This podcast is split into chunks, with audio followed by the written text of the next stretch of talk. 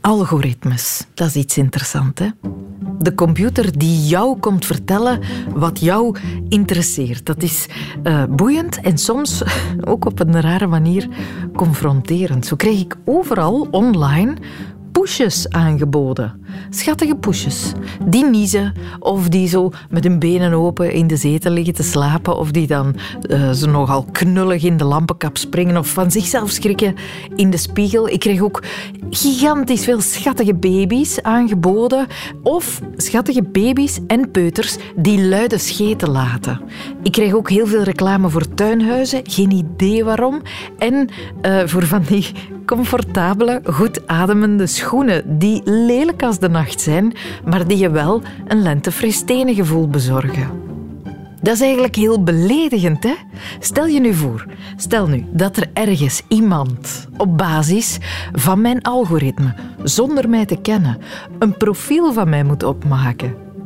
Wat moet hij dan wel niet van mij denken? Dat ik een soort zeuterige, zweterige tuinkabouter ben met een interesse in andermans luide scheten.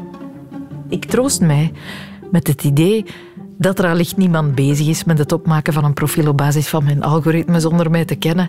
En met de plezante dingen die ik dankzij mijn algoritme aangeboden krijg. Zoals fragmenten van comedians die zich druk maken in religie.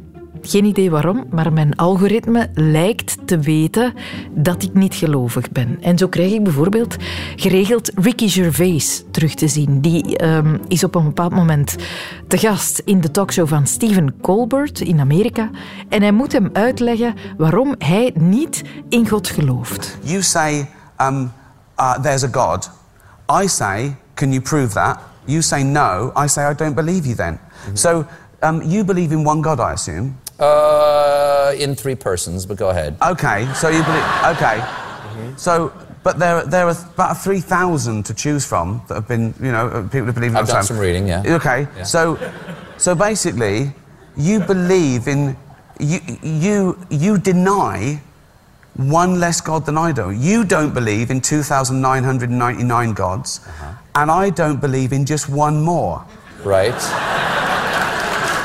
Schitterend gezegd, hè? Hij zegt, jij Stephen Colbert, jij gelooft in één god, maar wereldwijd zijn er zo'n 3000 goden die aanbeden worden. Dat betekent dat jij niet in 2999 goden gelooft. En ik geloof gewoon eentje meer niet. Super. Nog zo'n fragment dat ik uh, geregeld aangeboden krijg is uh, van de Amerikaanse comedian George Carlin, die is ondertussen al gestorven. En die vertelt op een bepaald moment uh, dat gelovigen zowat het grootste bullshit-verhaal aller tijden aan elkaar vertellen. Religion has actually convinced people that there's an invisible man living in the sky who watches everything you do every minute of every day. And the invisible man has a special list of 10 things he does not want you to do. And if you do any of these 10 things, he has a special place full of fire and smoke and burning and torture and anguish where he will send you to live and suffer and burn and choke and scream and cry forever and ever till the end of time. But he loves you. Hij lacht er dan nog mee. Stephen Fry, die is dan weer een pakje strenger, krijgt op een bepaald moment in een interview de vraag wat hij zou zeggen mocht op een dag blijken dat God wel bestond. En Stephen Fry komt dan aan de hemelpoort oog in oog te staan met God de Vader. Wat zou hij dan zeggen? I, I'd say bone cancer in children? What's that about? How dare you? How dare you create a world in which there is such misery that is not our fault? It's not right. It's utterly, utterly evil. Why should I respect a capricious, mean minded, stupid God who creates a world which is so full of injustice and pain? That's what I'd say. Je zou beschaamd moeten zijn, God. Daar komt het zowat op neer. En daarin heeft mijn algoritme groot gelijk. Ik ben het met die mensen eens. Ik snap dat ook niet, hoe je dat doet. Geloven, waarom mensen dat doen. En dat lijkt me nu een goede reden om het wel te proberen begrijpen. Dus welkom in de wereld van Sophie. Ik weet niet hoe het in uw omgeving zit, maar ik ken ook niet zo gek veel gelovige mensen. kan aan mij liggen, maar het sluit ook aan bij de tendens die we sinds enkele decennia zien, dat de groep gelovigen al maar kleiner wordt. Ja, dat klopt. Onze samenleving, eh, West-Europa, is heel sterk geseculariseerd, zo heet dat in de vakterminologie. Dit is Patrick Loobuik, moraalfilosoof aan de Universiteit Antwerpen, maar ooit student godsdienstwetenschappen. En ik heb hem gecontacteerd om te vragen waarom mensen eigenlijk geloven. En dat betekent dat uh, de betekenis van God en van godsdienst en van godsdienstige rituelen en de autoriteit van de kerk, en dat dat allemaal heel sterk uh, gezakt is. Dat is een proces dat begonnen is begin de jaren 70, zou je kunnen zeggen, en dat nog steeds doorgaat. Hè. Dus we zien dat bijvoorbeeld in de cijfers die de kerk publiceert, um, waaruit blijkt dat uh, de deelname aan de rituelen, het is nu bijvoorbeeld de tijd van het vormsel, en dat dat uh, eigenlijk systematisch elk jaar verder naar beneden gaat. Maar het geldt ook voor het huwelijk. Het geldt ook voor de begrafenis, waarbij nu al meer dan, uh, meer dan de helft van de mensen die overlijden zich niet meer kerkelijk laten begraven. Ah ja, oké. Is dit een beweging die we binnen alle religies zien gebeuren, dat de groep overtuigde gelovigen kleiner wordt? Maar het is eigenlijk een beweging die zich vooral, uh, die, die, vooral plaatsvindt in West-Europa, in grote delen van Canada en in, de, en in Australië. Maar in de rest van de wereld, onafhankelijk dan van de godsdienst, zien we dat veel minder. Hè. Dus bijvoorbeeld in Latijns-Amerika, daar zie je dat het christendom, uh, met name de evangelische kerken, dat dat daar de sterkst groeiende groep is. Uh, ook het aantal moslims, is de, de verwachting is dat op wereldvlak, op dit moment zijn ongeveer een vierde van de wereldbevolking, is een vierde van de wereldbevolking uh, moslim, maar dat zal stijgen naar uh, een derde van de wereldbevolking. Dus de islam zal even groot worden als het christendom. Maar is er een, een verklaring voor dat het bij ons afneemt en op andere plekken in de wereld dan weer toeneemt? Wel, de toename is eigenlijk vooral doordat er meer moslimkinderen geboren worden. Het, het gaat over een jonge bevolking. Het gaat over een bevolking die gemiddeld meer kinderen heeft. Mm -hmm. uh, dus het gaat niet zozeer over de islam die dan de wereld gaat veroveren of zo. Het gaat over echt demografische evoluties. Waarom het hier naar beneden gaat, dat is een enorm interessante vraag waar al heel veel over nagedacht en geschreven is. Er zijn heel veel verschillende hypotheses. Ik noem er een paar. Mensen zeggen het heeft te maken met het feit dat hier al lang vrede is. Het heeft Ah, ja? te maken met het feit dat de wetenschap hier inderdaad uh, meer voet aan de grond heeft gekregen. Dat mensen zien dat uh, een aantal opvattingen rond mirakels, rond het leven na de dood, uh, dat die, ja, die niet stroken met het wetenschappelijke wereldbeeld. Het heeft ook te maken met het onderwijsniveau en de garantie die een staat biedt op, op goed onderwijs. Een interessante hypothese vind ik zelf ook, de, is de aanwezigheid van de welvaartsstaat. Hè. Dus vroeger hadden religies ook een belangrijke so sociale functie. Ze deden aan armenzorg, ziekenzorg, ze deden ouderenzorg, ook onderwijs. En in een welvaartsstaat is het zo dat de staat al die functies naar zich toe heeft getrokken. En um, daardoor verliest de religie mogelijk aan aantrekkingskracht. En dat, deze hypothese zou ook verklaren waarom bijvoorbeeld de Verenigde Staten, die toch ook een modern, welvarend land is, mm -hmm. toch veel minder geseculariseerd is dan uh, hier in West-Europa, omdat zij geen traditie hebben van een welvaartsstaat en daar dus die religies nog veel meer speelruimte hebben om al die sociale functies uh, op zich te nemen. Maar dat is ook Ah. maar een hypothese. Ja. Dat is wel heel interessant, want ja. het wijst wel op een of andere manier uh, onrechtstreeks op het waarom mensen geloven in tijden van tegenslag, als het moeilijk gaat. Ja, dat, dat is zeker een van de, van de punten. Hè. Dus mensen gaan hun geloof gebruiken of, of inzetten op momenten dat, het, dat, ze, dat ze met lijden geconfronteerd worden. Dat zie je heel sterk ook in de geschiedenis. Als men uh, bijvoorbeeld met een pestepidemie ge geconfronteerd wordt of met een natuurramp, dan zou je eigenlijk intuïtief misschien denken, ja, die mensen zullen kwaad zijn op hun God. Mm -hmm. uh, maar dat zijn ze niet. Hè. Dus zij zien daar heel vaak een teken in, van, een bedoeling in. En uh, je ziet bijvoorbeeld nadat er een grote aardbeving heeft plaatsgevonden, dat, dat er uh, zelfkastijdingsgroepen opstaan, dat er mensen denken dat het einde van de wereld nabij is, dat ze moeten boeten voor hun zonden, dat ze beter moeten gaan leven en dit, en dit soort dingen. En tot op vandaag is het natuurlijk zo dat mensen, wanneer ze gelovig zijn, ja, hun geloof ook gaan, gaan ja, gebruiken is een raar woord, maar gaan inzetten of, of extra gaan beleven of vormgeven op momenten dat het slecht gaat, dat ze geconfronteerd worden met lijden, met verlies, met ziekte enzovoort. Ja, om een soort houvast te krijgen, een soort ja, rust te vinden of zo in de onzekerheid van het leven. Ja, voor veel mensen die gelovig zijn, die vinden daar blijkbaar uh, uh, rust en, en ook troost in. Het voordeel van, de, van religies is ook vaak dat zij... Uh, enerzijds een taal aanbieden om bepaalde dingen te verwoorden die misschien anders niet zo makkelijk te verwoorden zijn. -hmm. um, En anderzijds ook dat zij bepaalde praktijken en rituelen aanbieden. En dat zie je wel ook in onze moderne samenleving, dat we daar soms een beetje mee worstelen. Want vroeger, in de niet geseculariseerde tijd, ja, als een kindje geboren werd, dan werd het gedoopt. Als je ging huwen, dan had je ook een, een, een viering voorhanden, ook bij de, bij de uitvaart. Ja, wanneer dat dan wegvalt, als mensen geseculariseerd zijn en geen beroep meer doen op de religie, dan gaat men op zoek naar nieuwe invullingen. En je ziet dat dat dan ook niet echt verdwijnt. We hebben, we hebben nu de babyborrel bijvoorbeeld. En ook mensen die, en ook de uitvaart, die wordt, die wordt nog altijd op, op een soort toch rituele manier uh, in de praktijk gebracht, maar dan niet noodzakelijk meer op een kerkelijke manier. Hè. Maar mensen zijn wel op zoek naar, naar, naar, ja, naar een manier om belangrijke momenten in hun leven ook mee vorm te geven. En je ziet dat daar religie een, een rol heeft in gespeeld. Ja, ja, het geeft ons een soort kader, een, een reden om te doen wat we doen. Ja. En om niet te doen wat we niet doen. Ja, maar je ziet natuurlijk wel dat ook de rol van religie bij, bij mensen die vandaag geloven ook wel verschuift. Hè. Dus eh, als in de niet geseculariseerde tijden laten we zeggen, ehm, was religie eigenlijk vaak gericht op het hiernamaals. Mm en op het leven na de dood. En je had eh, bijvoorbeeld tot, tot lang na de middeleeuwen werden er kloosters gebouwd voor, voor men, om, om mensen te laten bidden voor het zielenheil van iemand. Er werd dan zelfkastijding gedaan enzovoort.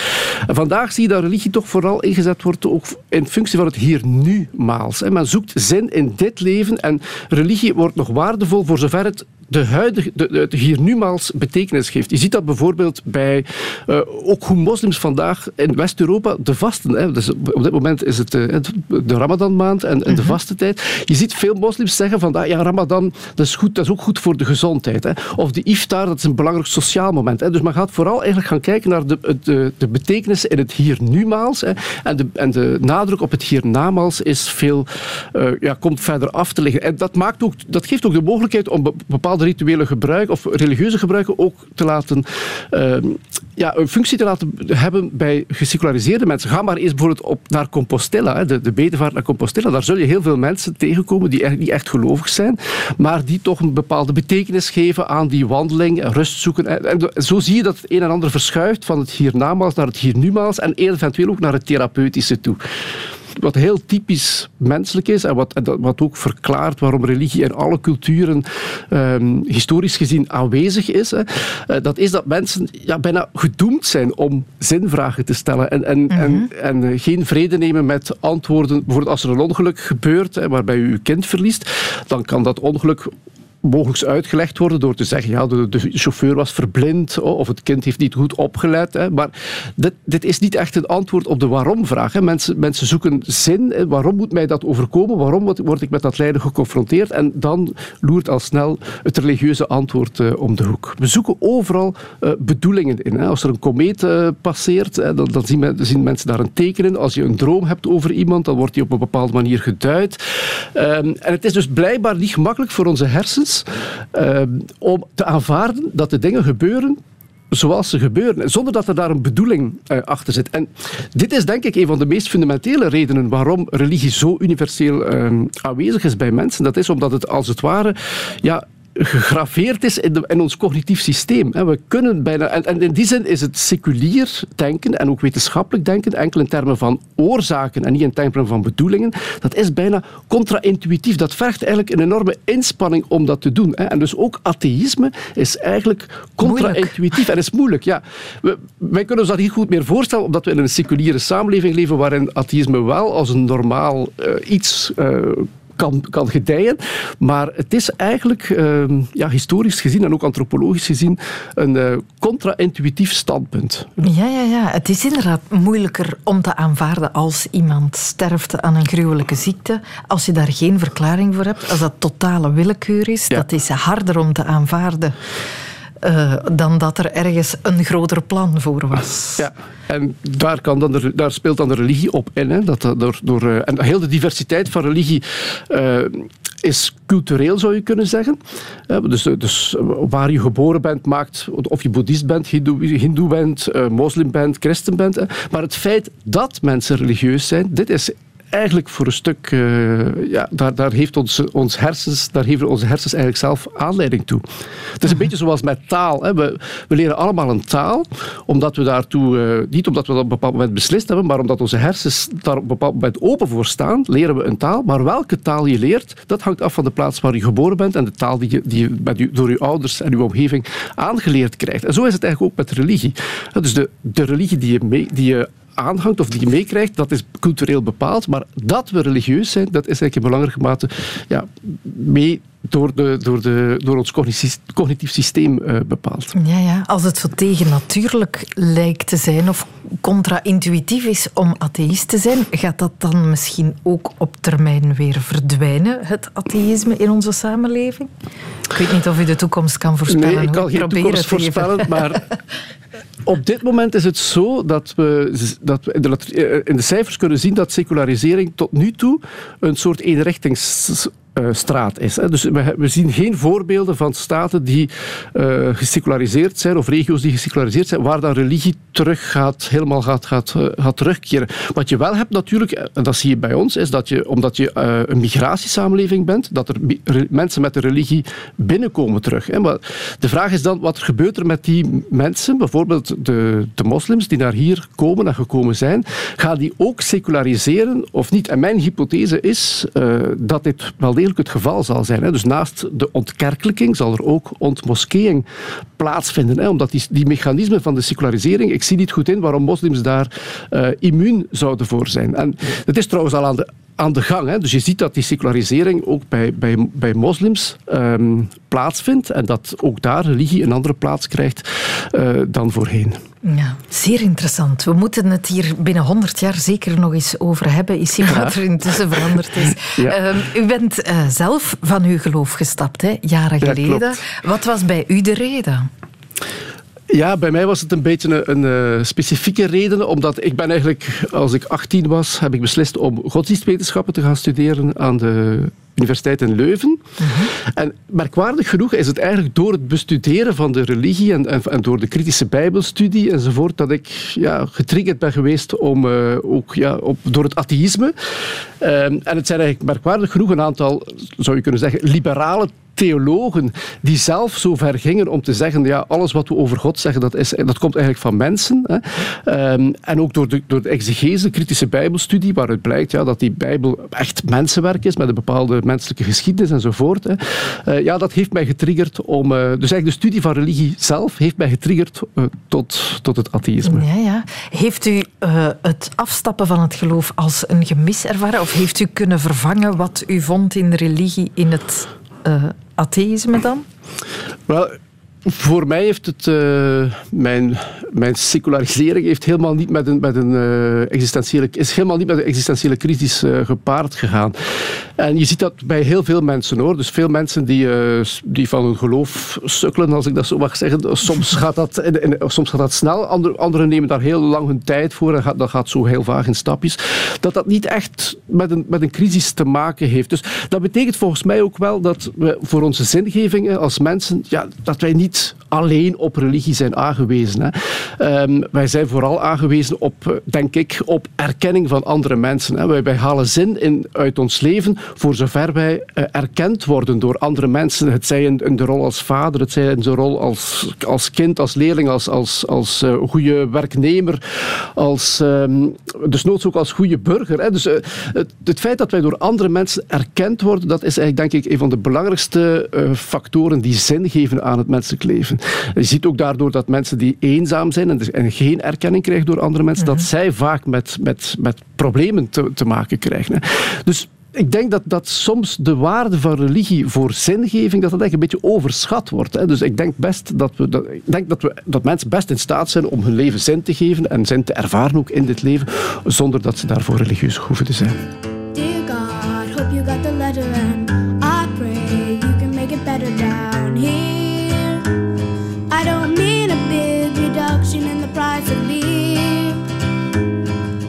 People that you made your image, see them starving on their feet. Cause they don't get enough to eat from God. Can't believe in. Patrick Loobuik gaf al een goed lijstje met redenen waarom mensen geloven. Maar er zijn nog andere, verrassende redenen. Die vinden we bijvoorbeeld bij schrijver Benno Barnard. Barnard groeide op in een protestants nest. Sukkelde ook van zijn geloof af, was twintig jaar lang niks, om het zo te zeggen, maar trad dan in 1999 toe tot de Anglikaanse kerk. Een kerk die eigenlijk heel erg lijkt op oldschool katholicisme. Waarom? Dat vertelde hij aan reporter Roodveld in de St. Boniface Anglican Church in Antwerpen. Dit was mijn kerk. Vanaf 1998, na de geboorte van mijn zoon Christopher. Toen wij eh, besloten dat we wilden dat hij gedoopt werd. Tot beleefde afschuw van de meeste van onze vrienden. En toen zeiden wij: Kijk, eh, je kunt natuurlijk een kind laten dopen als een soort sociale gebeurtenis. En dan kun je nog een keer terugkomen voor een bruiloft en dan nog voor een begrafenis. Dat is wat de Engelse hatch, match en dispatch noemen. Maar dat is natuurlijk flauwekul. Als je het doet, dan moet je het serieus nemen. Of je doet het niet, ook respectabel. En wij besloten het serieus te nemen. Maar dat impliceerde dus ook wel dat wij vanaf toen wekelijks naar de kerk zijn gegaan. Nog steeds tot beleefde afschuw van onze vrienden.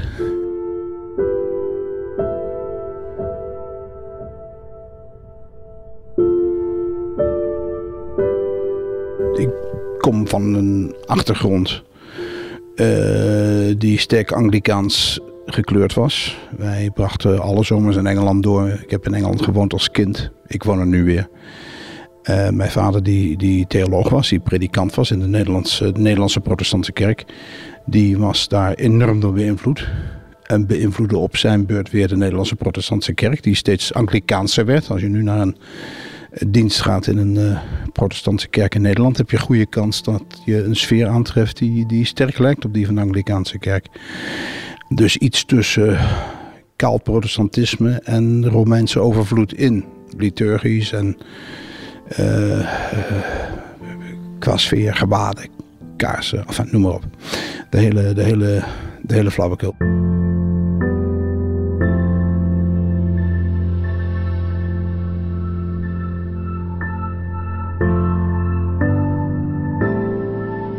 Het is heel goed mogelijk dat ik opsta, zelfs waarschijnlijk dat ik opsta en mij afvraag, mijn hemels, in hemelsnaam, wat uh, heeft onze lieve Heer toch voor met mij en met deze schepping? Wat een zootje. Dus als een soort atheïst of een agnost of een, of een wat dan ook uh, naar de kerk gaan, want ik geloof erg in het, uh, de regelmaat en het ritueel. En dat, dat kalmeert mijn neurose.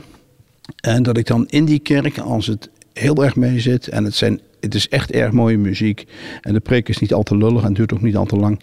En, en er zijn bepaalde teksten die, die, die gisteren nog, Pasen. Eh, Engel rolde de steen weg en ging erop zitten. Dat is een stripverhaal, dat is grandioos. Zo staat het er. Hij rolde de steen weg en ging erop zitten. Dat is fantastisch, dat beeld. Dat ik daar zo door geraakt word, dat ik dan bij de communie zowaar in een behoorlijke gelovige verander. Dus dat fluctueert bij mij ik ben geen solide gelovige. Ik ben waarschijnlijk de minst vrome christen van, van, van de lage landen. Maar goed, ik doe mijn best.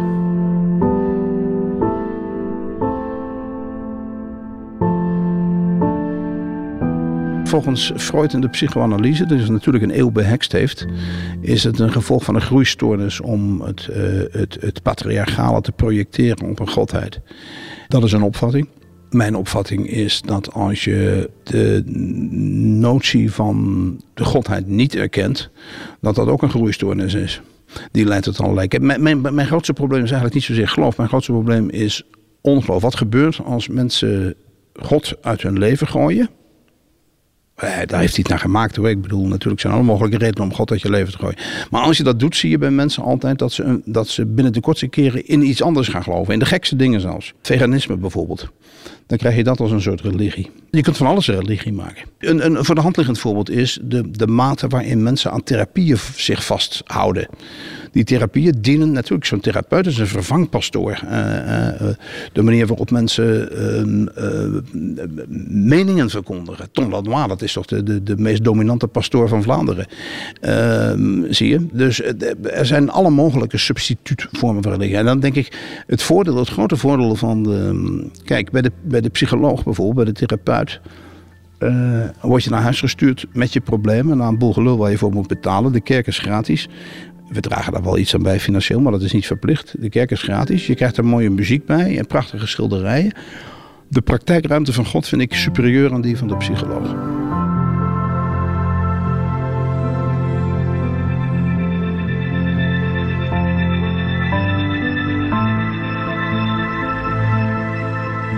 Je hebt mensen die zeggen: Ja, ik ben wel religieus, maar ik ga net zo lief in het bos wandelen. Ik vind het prima, maar die boom heb je weinig aanspraak. En een van de gekke dingen is, in je eentje geloven is heel erg moeilijk. Daarom zijn filosofen ook vaak zo verward. Ik was gisteren voor Pasen in de Anglikaanse kerk in Utrecht. Die kerk puilde uit. Dat is een kleine kerk en daar waren denk ik 150 mensen. En daar moesten stoelen worden bijgezet. En dat gaf een intense vreugde, dat, dat collectieve. Uiteraard, dat is menselijk. Je hebt volk om je heen nodig. En dat kan een maaltijd zijn met vrienden. Of dat kan in zo'n kerk gebeuren. Of dat kan ook bij een concert. Of kan bij het voetbal of wat dan ook. Maar een kerk is een mooi omdat het zo geritualiseerd is. Dan zijn dus een heel stel volwassenen en kinderen. Die geheel vrijwillig teksten uitspreken. Uh, aan een luisteren naar muziek. Uh, zingen. Heel, heel prettig zingen. zingen. Uh, bij twijfel zing. Um, die vervolgens aan een rare symbolische maaltijd deelnemen. Hè, met, een, met een onsmakelijk koekje. En, uh, en, en een slokje Chateau je ne sais quoi. Uh, en dat niettemin ervaren als iets dat hen op een of andere manier redt. Waarvan dan? Misschien vooral van henzelf.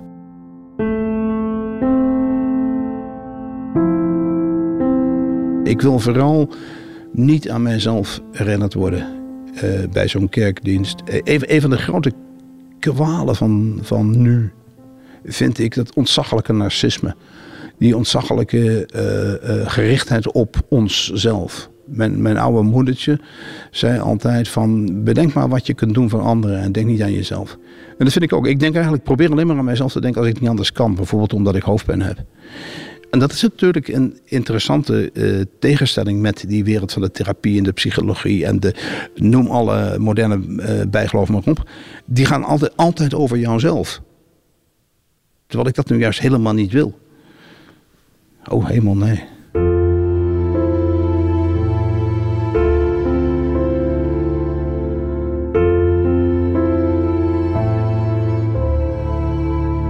Het ritualiseren van je dagen helpt altijd. Het is goed om regelmaat te hebben.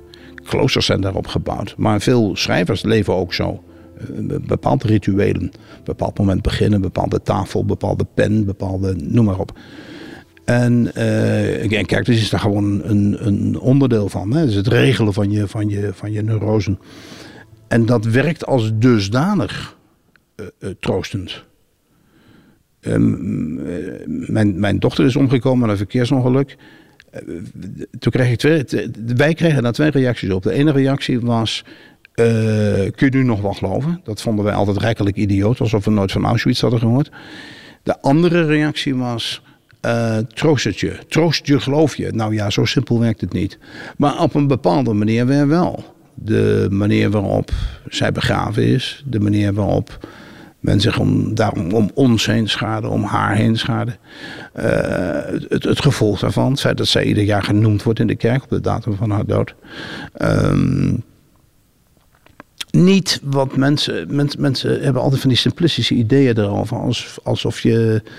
dan hebben ze een soort uh, godsbeeld van een, van een vijfjarige en dat projecteren ze dan op jou. Nee, niet zo dat. Uh, onze lieve Heer zijn arm om me heen legt en zegt van, het is wel goed hoor. Uh, nee, zo dom ben ik niet. Je moet net dom genoeg zijn om er mee te kunnen doen. Dat is het eigenlijk.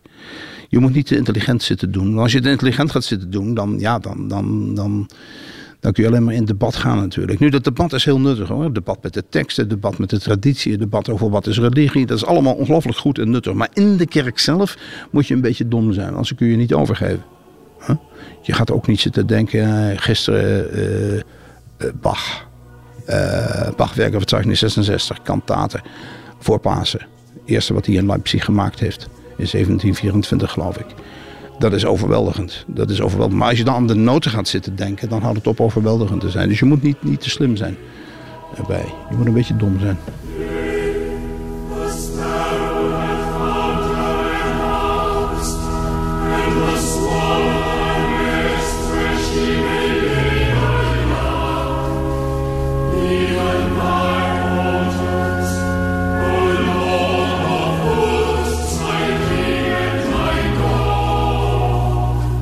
Ik kan heel slecht tegen slechte bijbelvertalingen, slechte uh, liederen, uh, slechte muziek. Want dat heb je allemaal hè, in, uh, in, in, in kerken. hoe beter het is, hoe mooier het is, hoe wel troostrijker het is. Want er is een esthetische troost. Wat heel populair is in Engeland zijn de, zijn de vesperdiensten, de evensongs in kathedralen. Dat is altijd meer dan een concert. Ik ben daar eens met vrienden naartoe gegaan in Canterbury. Naar een evensong. En dat zijn geharde atheïsten. Die kwamen in tranen buiten. En dat was niet alleen maar het feit dat het zulke prachtige muziek was. Het is namelijk ook het effect van de. Er zit een soort bedwelming in de esthetica van, van zo'n dienst, van die muziek. Uh, van die merkwaardige Engelse manier om psalmen te, uh, te zingen chant dat.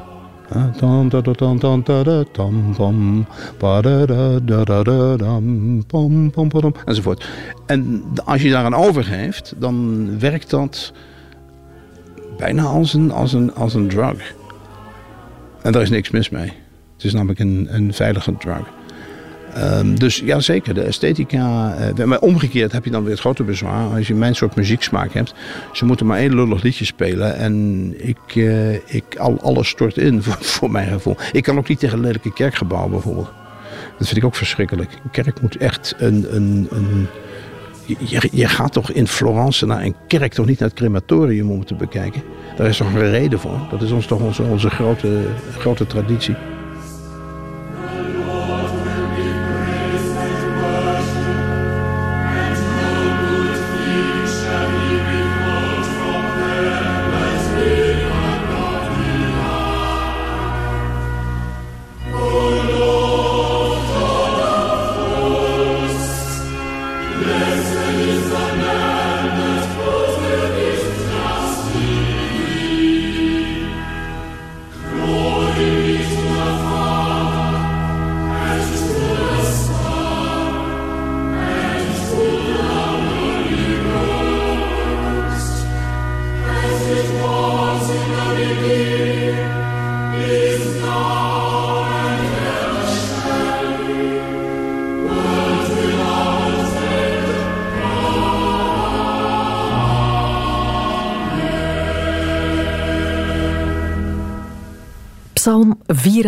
84, Oh How Amiable, is dit van Hubert Perry, gebracht door het King's College Choir in Cambridge. Het is de lievelings-evensong van Benno Barnard.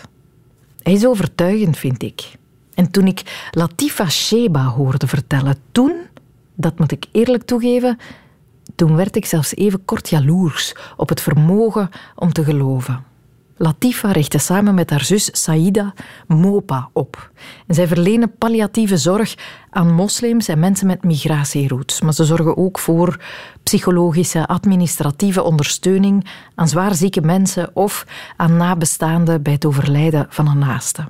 Onze reporter Anke van Meer die mocht eens mee op stap met Latifa op huisbezoek bij Hamida. Hamida verloor ook een dochter, tien jaar geleden. En zij heeft toen en vandaag nog altijd geweldig veel gehad aan de steun van Latifa en van Mopa.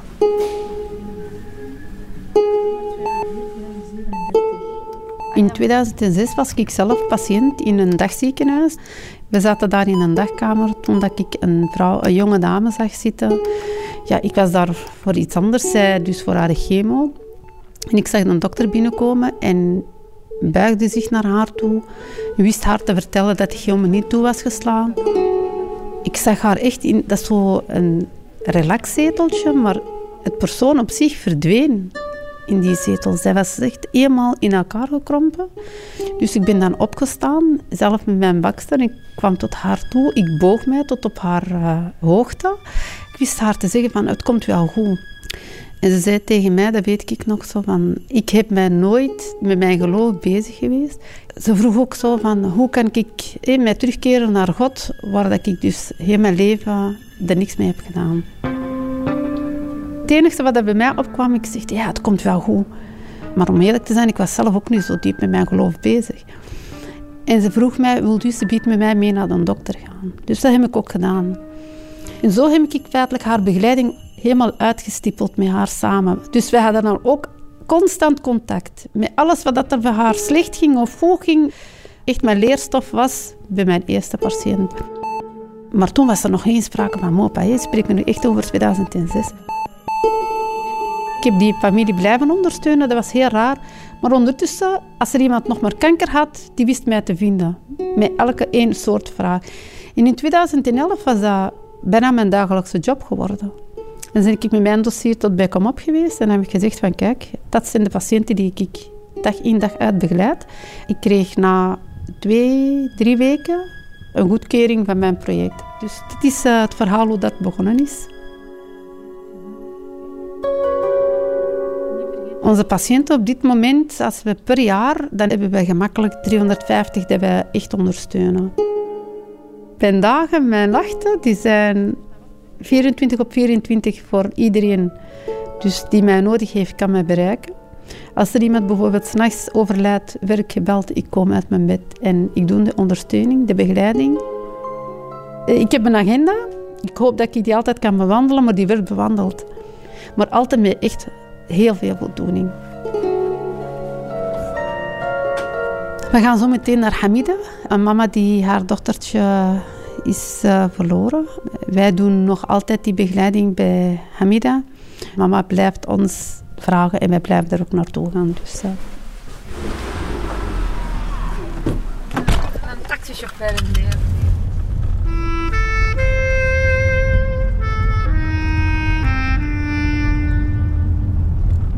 Als ik zoals nu naar uh, Hamida ga, is het echt zo van... Ik hoop dat ik niks nieuws moet horen. En dat echt goed gaat met haar. En, want als ik nu bijvoorbeeld een telefoontje krijg van iemand die ik al ken, dan heb ik echt zoiets van: ik hoop echt niet dat ik weer iets moet gaan doen in een vorm van basis van slecht nieuws terug.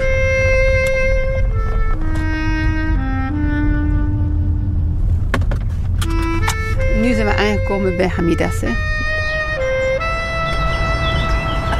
Oh, salam. Salam. Hoe is het? Ja, ça welkom. Kom maar. Doe maar. Open te doen, dus... Hier is ons Fatimetje. Ja, ik zal de foto even dichterbij pakken. Zo. Ja, hier was ze echt nog klein. En ze had haar zonde was er eventjes uit. Dus dan was het moment om fotootjes te maken. Hè. Ik zat er zo straks aan te denken. Het is dus eigenlijk bijna exact tien jaar geleden dat... Uh, ja, 2013 hè. Ja, ja, ja, ja, ja, ja, ja. Dus ze is op 26 mei 2013 geboren. En ja, we zijn nu 2023, hè. Dus het is toch uh, echt bijna tien jaar. Dus op 26 mei is mijn dochtertje Fatima geboren. Tijdens de zwangerschap uh, wisten we dus eigenlijk al dat ze een ziekte had.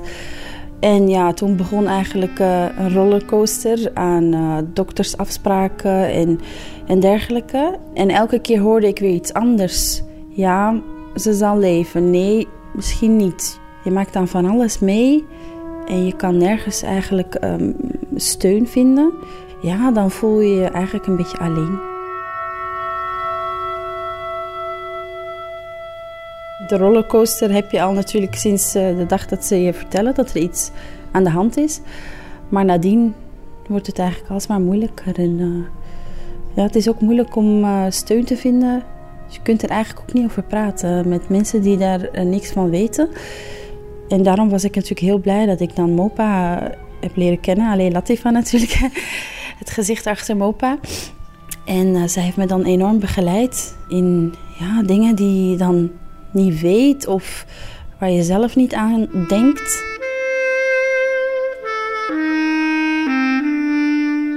Ja, ik werd dus opgebeld door het ziekenhuis en uh, ze wisten me gewoon te vertellen dat een mama met een kindje met een afwijking graag een gesprek met ons wou. En dan uh, kwam ik bij Hamida, echt een heel open, warme vrouw. Ze had uh, haar dochtertje vast toen, ze had haar net, net borstvoeding gegeven. Ja, dus mijn dochtertje was dan wel ernstig ziek. Ja, het was eigenlijk een zeldzame ziekte waarbij de kans op leven sowieso heel minim is en heel kort. Je kan binnen een jaar of maximum zeker binnen twee jaar kan je dus eigenlijk daaraan te komen overlijden. Maar heel vaak denk ik, denk dat ze zeker vijf of zes keren, denk ik, in die anderhalf jaar in het ziekenhuis opgenomen is geweest. Dus, uh, en ik weet nog goed dat ik dan Latifa elke keer wel een berichtje stuurde en dat ze dan toch ook wel langskwam. Dus dat was ook heel fijn toch op dat moment. Want iemand die het zelf niet ervaart, weet gewoon niet hoe het is. Want sommige mensen ja, zeggen dan niet de goede dingen, niet de juiste dingen. Daarom was ik altijd heel blij als ik toch organisaties over de vloer kreeg die ook ervaringen hadden met ja, palliatieve kindjes, en, uh, waaronder Latifa.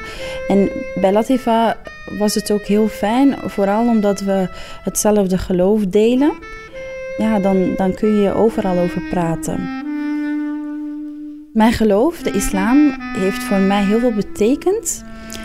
En ja, daar heb ik dus eigenlijk heel veel kracht uitgehaald. Dingen zoals ja, dat, dat mijn dochtertje Fatima mij kan helpen om misschien naar het paradijs te, treden. Ik zie haar nog terug, uh, inshallah, als God het wil. Ja, en het leert je ook eigenlijk om geduldig te zijn en toch dankbaar te zijn voor wat je krijgt. Ik geloofde effectief van het feit dat ik beproefd word in dit leven. Dat is omdat God van mij houdt en, en Hij wil zien dat ik slaag. Dat ik dus eigenlijk geduldig blijf. Dat ik toch dankbaar ben voor alles wat ik heb gekregen. En ja, dat is iets wat je dan je hele leven meeneemt. Hè? Bij elke ziekte dat we tegenkomen, bij elke patiënt dat we begeleiden, zien we echt dat uh, het geloof een hele grote rol speelt. Ziek zijn is een gunst. Je moet dat nooit zien als een straf. Je kunt je op alles voorbereiden en dat is raar. En mensen worden daar ook heel sterk in. Dus dat zijn allemaal tekens die wij horen tijdens het ziekteproces van een ziek patiënt. In het begin leefde om te leven. Kijk, wij genieten ook van elke dag. En ik weet, in 2006, ik heb dat ook gezegd, ja, we weten dat Allah er is. En we weten dat Hij onze schepper is. Maar voor het ik deed daar niet veel mee. Tegenover nu, als ik zie het moment dat ik zin wil zijn, is mij echt terugkeren tot God. En dat is tijdens mijn gebeden. Of ook als er bijvoorbeeld iemand komt overlijden, weet ik dat de engelen dalen. En dat op dat moment de warmte voelt van, oké, dit staat ons hier allemaal te wachten. Dus je keert dus sowieso tijdens die job wel meer naar God toe. Ik denk, anders kon ik deze werk ook niet uitvoeren. Als ik zie hoe, dat het nu in elkaar steekt en ook hoe dat de mensen de krachten halen uit hun ziek zijn. En noem maar op, ik heb nu Hamida voor mij en een kind afgeven is het moeilijkste wat een moeder kan overkomen. En toch overleeft ze het.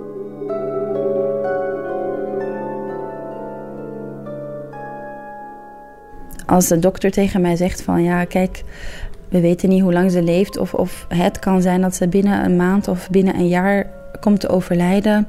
Eigenlijk doet dat dan niet zo heel veel met mij, omdat ik echt vertrouw op God.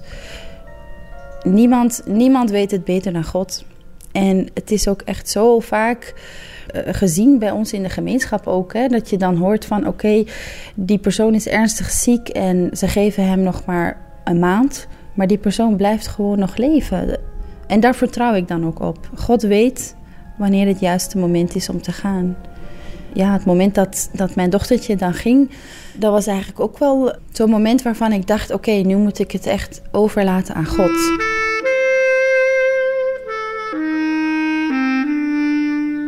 Mijn man eh, in de tijd was er en mijn broer die woont in Rotterdam en die was dan ook kunnen komen. En dan zaten we daar met z'n drieën en eh, we waren eigenlijk de Koran aan het lezen.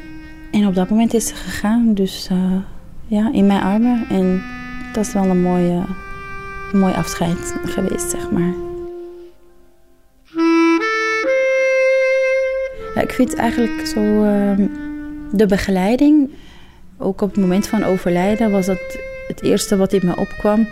Van oké, ik moet nu Latifa bellen. Het overlijden zelf, om dan steun te hebben, ja, dat doet mij ook wel uh, deugd. Ja. En sindsdien zijn we altijd nog in contact gebleven. Hè? Dus we hebben wel een vriendschap opgebouwd. En uh, ze doet zoveel goed voor de mensen. Daar moet je echt wel uh, een olifantenhuid voor hebben. Hè? Ik heb altijd gezegd met veel voldoening. Dus ik blijf dat zeggen. En hoe meer dat je allee, voor de patiënt en daarnaast kunt betekenen, hoe meer voeding dat ik ervan uit krijg en hoe meer dat ik het nog wil blijven doen. Dus ja, ik zie dat niet als een job, ik vind dat eerder als een plicht.